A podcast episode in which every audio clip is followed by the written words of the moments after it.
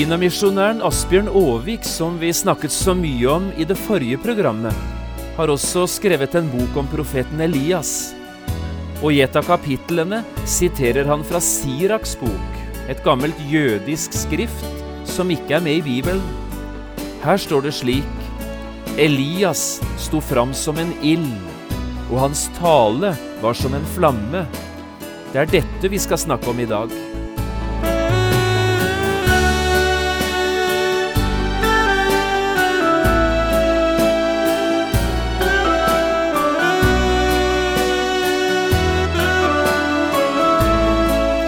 Hjertelig velkommen til et nytt program i serien Vindu mot livet. Programmet er produsert av Kristen Riksradio og blir ledet av Jon Hardang. Kristen Riksradio drives av frivillige gaver. Vi er glade for din støtte.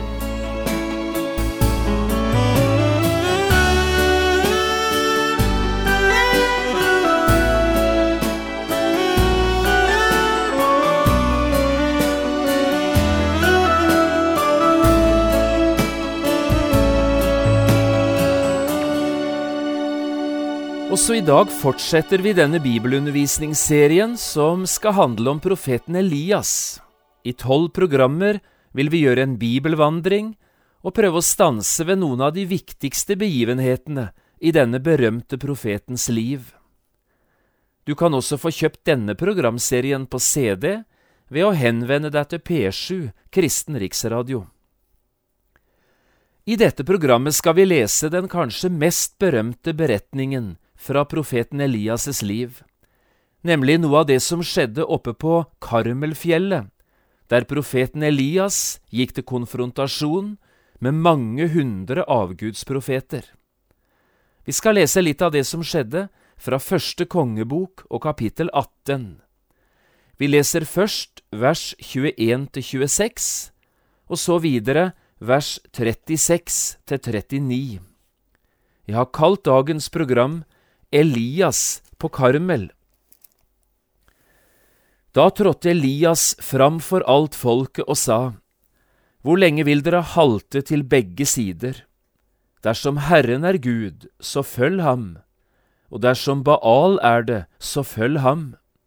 Men folket svarte ham ikke ett ord. Og Elias sa til folket, Jeg er den eneste av Herrens profeter som er blitt tilbake mens Baals profeter er 450 mann. La oss nå få to okser. La så dem velge seg den ene oksen og hogge den i stykker og legge den på veden, men de skal ikke tenne ild på. Så vil jeg stelle til den andre oksen og legge den på veden, men jeg vil ikke tenne ild på. Så kan dere påkalle deres Guds navn, og jeg vil påkalle Herrens navn. Og la det da være slik at den Gud som svarer med ild, han er Gud. Hele folket svarte, det er godt. Da sa Elias til Baals profeter, Velg nå dere ut den ene oksen, og stell den til først, siden dere er flest, og påkall så deres Guds navn. Men dere skal ikke tenne ild på så tok de den oksen han hadde gitt dem, de stelte den til og påkalte Baals navn fra morgen til middag og ropte Svar oss, Baal. Men det var ingen røst å høre, og det var ingen som svarte. Men ved den tiden da matofferet ble frambåret, trådte profeten Elias fram og sa, Herre, Abrahams, Isak og Israels Gud, La det i dag bli kjent at du er Gud i Israel, og at jeg er din tjener, og at det er på ditt ord jeg har gjort alt dette. Svar meg, Herre, svar meg, så dette folket må kjenne at du, Herre, er Gud, og at du nå vender deres hjerte tilbake til deg. Da falt Herrens ild ned og fortærte brennofferet og veden og steinene og jorden og slikket opp vannet som var i grøften. Og hele folket så dette. De falt ned på sitt ansikt og sa, Herren, han er Gud. Herren, han er Gud.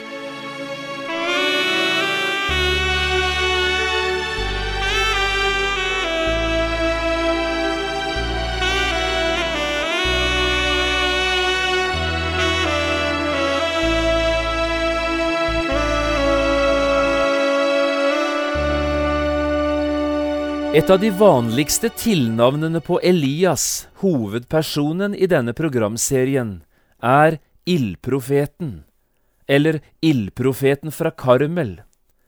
Og det er ikke uten grunn, for ilden fulgte på en helt spesiell måte denne mannen hele veien.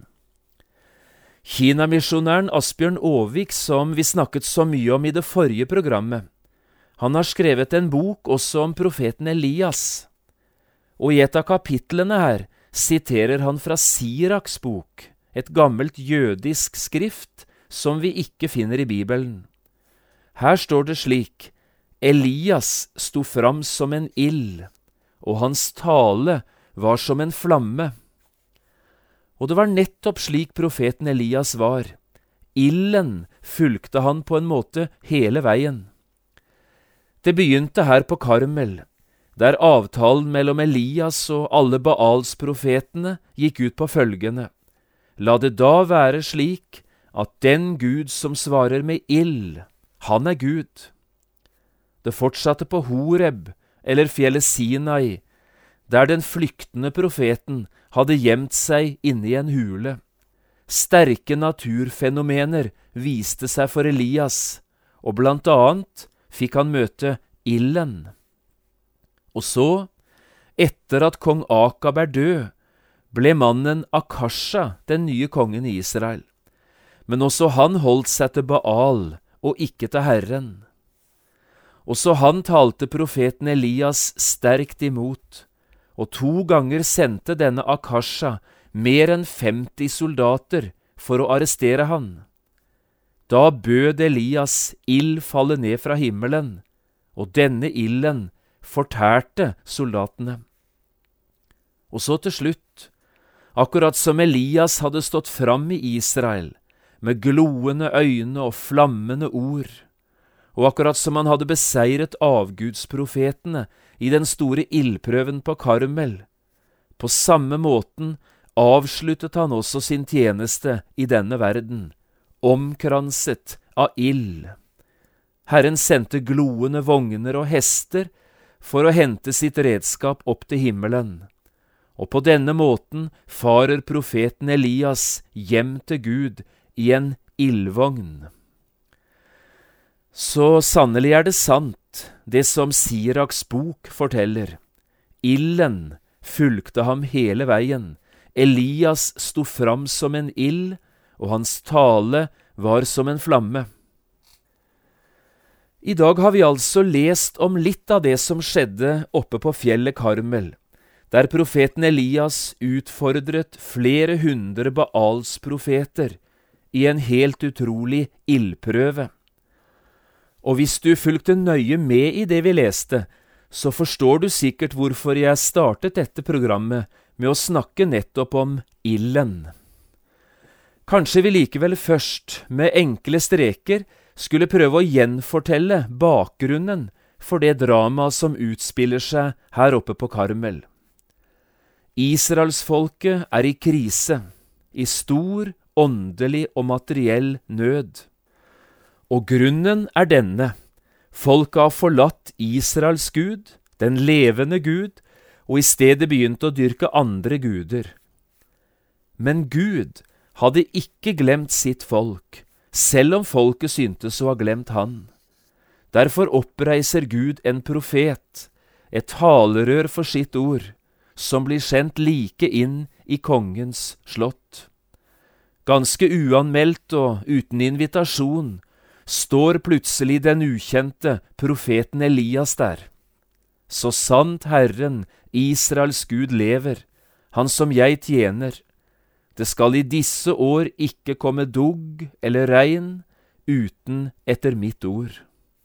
Og så gikk han, profeten, uten et eneste forsøk på megling eller gode forklaringer. Men kongen og dronningen, de forsto meget godt hva dette handlet om. Nå har det gått tre og et halvt år. Profeten Elias har vært på flukt, både fra kong Akab og dronning Jesabel, men ingen kunne finne han, og både folk og kongehus, dyr og planter led av den brennende tørsten og den ødeleggende tørken. Dette er jo ting vi har snakket mye om tidligere. Men så, plutselig og helt uanmeldt, er Elias der igjen. Enda en gang står han foran kongens ansikt, uredd og med et klart budskap. Send nå bud, og la hele Israel komme sammen med meg på Karmelfjellet, og likeså de 450 Baals-profeter og de 400 Astartes profeter som eter ved Jesabels bord. Dermed er scenen satt for Karmel. Elias, Herrens profet, utfordrer både kongehuset og hele kompaniet av avgudsprofeter til ildprøven på Karmel. Og kong Akab, han lar seg ikke be to ganger, og i løpet av kort tid er alle samlet oppe på fjellet. Jeg vet ikke hva du tenker om denne situasjonen, men jeg jeg beundrer den mannen, profeten Elias. Jeg beundrer han både for hans styrke og for hans mot. Og så tenker jeg samtidig på vår egen tid, og på den mer enn forsiktige måten vi ofte går fram på, vi som i dag skulle være Herrens representanter. Og så mye frykt og så mye feighet det finnes hos oss. Så sjelden vi ser i dag noen som våger å stå fram, og som bærer med seg Elias' kraft og mot. Det kommer et gammelt salmevers opp i tankene mine. Det er en bønn, nesten et nøderop. O Hellig Ånd, til deg vår skatt, vi sukker dag og natt. Gud, gi oss samme lys og kraft som fedrene har hatt. Da kristendommen sto som tre med sterkest rot, med frukt som purpur og som sne. Ja, Herre, la det skje. I en tid med så mye feig og tannløs kristendom er det nettopp dette vi trenger, en dristig og uredd tro på en levende og mektig Gud. Men la oss gå tilbake igjen til bibelteksten. Du ser for deg situasjonen, ikke sant? Profeten Elias står fram og utfordrer folket. Hvor lenge vil dere halte til begge sider? Dersom Herren er Gud, så følg Han, og dersom Baal er det, så følg Han. Alternativene er klare. Det handler om hvem som skal dyrkes og tilbes som Gud. Men folket, de viker unna. De svarte ham ikke ett ord, sto det i det vi leste.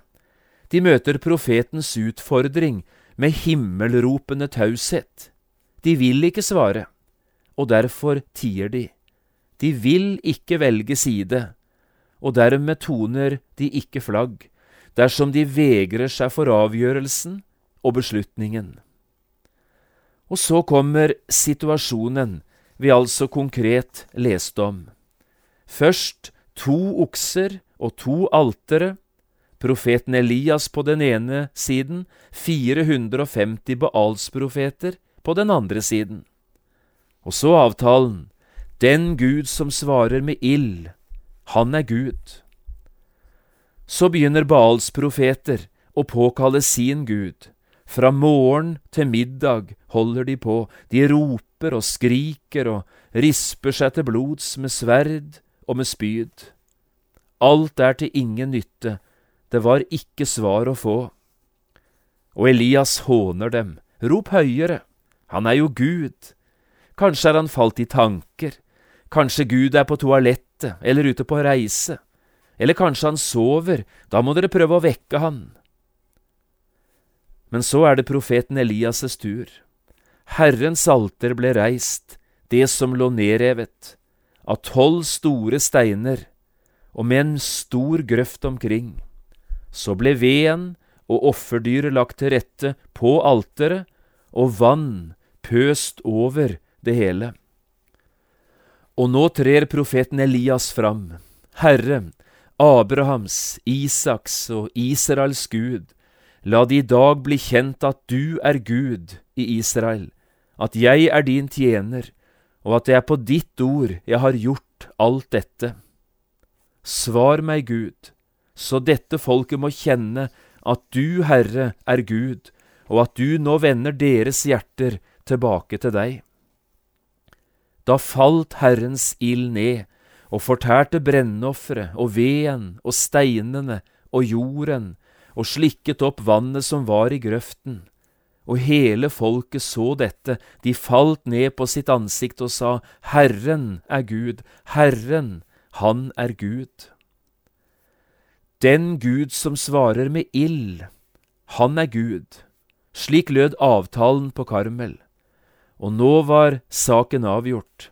Herren, Israels Gud, var Gud, den eneste, den levende og sanne Gud. Ja, slik går denne historien.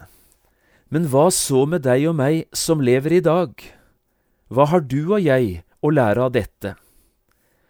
Jo, vi kan lære mange ting, og jeg har enda en gang lyst til å gripe tak i det uttrykket som vi nå har sitert flere ganger. Den Gud som svarer med ild, han er Gud. For nettopp i dette uttrykket ligger nøkkelen til hva for et budskap Karmel-fortellingen har til deg og meg i dag. Nå skal du få høre det. For det første, det finnes bare én Gud. Oppgjøret mellom Elias og Baals-profetene på Karmel er egentlig et oppgjør med flerguderiet, eller polyteismen, som vi kaller dette, troen på at det finnes flere guder. Nei, får vi høre her, det finnes ikke flere guder. Det finnes bare én Gud, Israels Gud. Han er den eneste sanne og allmektige Gud. Karmel-historien er en stor triumf for monoteismen, troen på den ene Gud. Karmel er en seier for den bekjennelsen Gud selv hadde lagt i Israels munn mange hundre år tidligere, og som Jesus selv bekreftet. Dette er det første av alle bud. Hør, Israel, Herren vår Gud, Herren er én, og du skal elske Herren din Gud av hele ditt hjerte og av hele din sjel og av all din fornuft og av all din makt. Dette er det første bud. Og så det andre. Gud er en hellig Gud. Det betyr, Gud er ikke en Gud du kan leke med. Gud er en Gud du skal ta på alvor. Han mener det alvorlig, både med sine påbud og sine forbud. Og han mener det alvorlig med sine trusler om straff og dom over alle som bryter denne loven, over ytre synd og over hjertets synd. Gud er en annerledes Gud. Han er hellig, ren, helt annerledes enn slike som deg og meg. Også en gang tidligere hadde Gud åpenbart seg på denne måten, nemlig gjennom ild. Det var på Sina i fjellet, der Gud hadde gitt sitt folk loven og de ti bud. Da var det som hele fjellet sto i brann, og ingen som sto ved foten av dette fjellet, var i tvil om hvem som var Gud. Det var Herren, Israels Gud, den hellige Gud. Og denne Gud, han vil bli tatt på alvor, også i dag. Så det tredje. Gud er en kjærlig Gud. Det skulle gå mange hundre år fra det som skjedde på Karmel, til Gud enda en gang åpenbarte seg og svarte med ild. Det skjedde på Golgata, da Guds egen sønn hang der under Guds vredes ild og lyn og torden. Men han som hang her, han hang der ikke fordi han selv hadde fortjent det, han hang der i stedet for andre. Han som hang på det midterste kors, var den eneste, helligste, reneste. Men han hang der i stedet for deg og meg, Det var vi som hadde syndet mot Gud og hadde fortjent dommen til døden. Men på Jesu kors brenner Guds ild, kjærlighetens flamme. Korset er verdens nye lys og varmekilde. Så har Gud elsket verden, at han ga sin sønn, den enbårne, for at hver den som tror på ham, ikke skal fortapes, men ha evig liv. Jo, sannelig har Gud svart med ild. På Golgata svarte han med kjærlighetens ild, da Jesus på det midterste kors døde i synderes sted. Så mørkt og kaldt det hadde vært i verden, om ikke den evige Gud på denne måten hadde svart med ild, med kjærlighetens ild. Og så det fjerde. Gud vil at alle mennesker skal bli frelst. 50 dager etter Kristi oppstandelse svarte Gud enda en gang med ild. Det skjedde på pinsedag, da Åndens ild ble tent i verden, på en helt ny og annerledes måte. Og i lys av denne ilden fikk verden se hvem som helst kan bli frelst, som til Gud seg venner. Dette bud Herren Gud ut i verden sender. 3000 mennesker gjorde bruk av denne frelsesmuligheten bare den første dagen, og siden la Herren hver dag dem som lot seg frelse, til menigheten. Tolv vitner sto fram den første dagen i åndens kraft og forkynte frelsens evangelium, og siden den gang har tusenvis av vitner krysset nabogjerder og kulturgrenser, språkgrenser og landegrenser for å gi evangeliet om Jesus videre til stadig nye mennesker og nye generasjoner. Da Gud svarte med ild på pinsedag, ble misjonens flamme tent, og resultatet lot ikke vente lenge på seg. Misjonsilden skapte brennende hjerter og flammende vitnesbyrd. Gud gi at denne ilden aldri måtte slukne hos oss, at du og jeg som hører dette, kunne bære ilden videre, til våre barn og til våre barnebarn, ut i våre byer og våre bygder, ja, til alle mennesker utover hele verden. For også dette hører med i det store som første gang ble forkynt på Karmel. Den Gud som svarer med ild, han er Gud.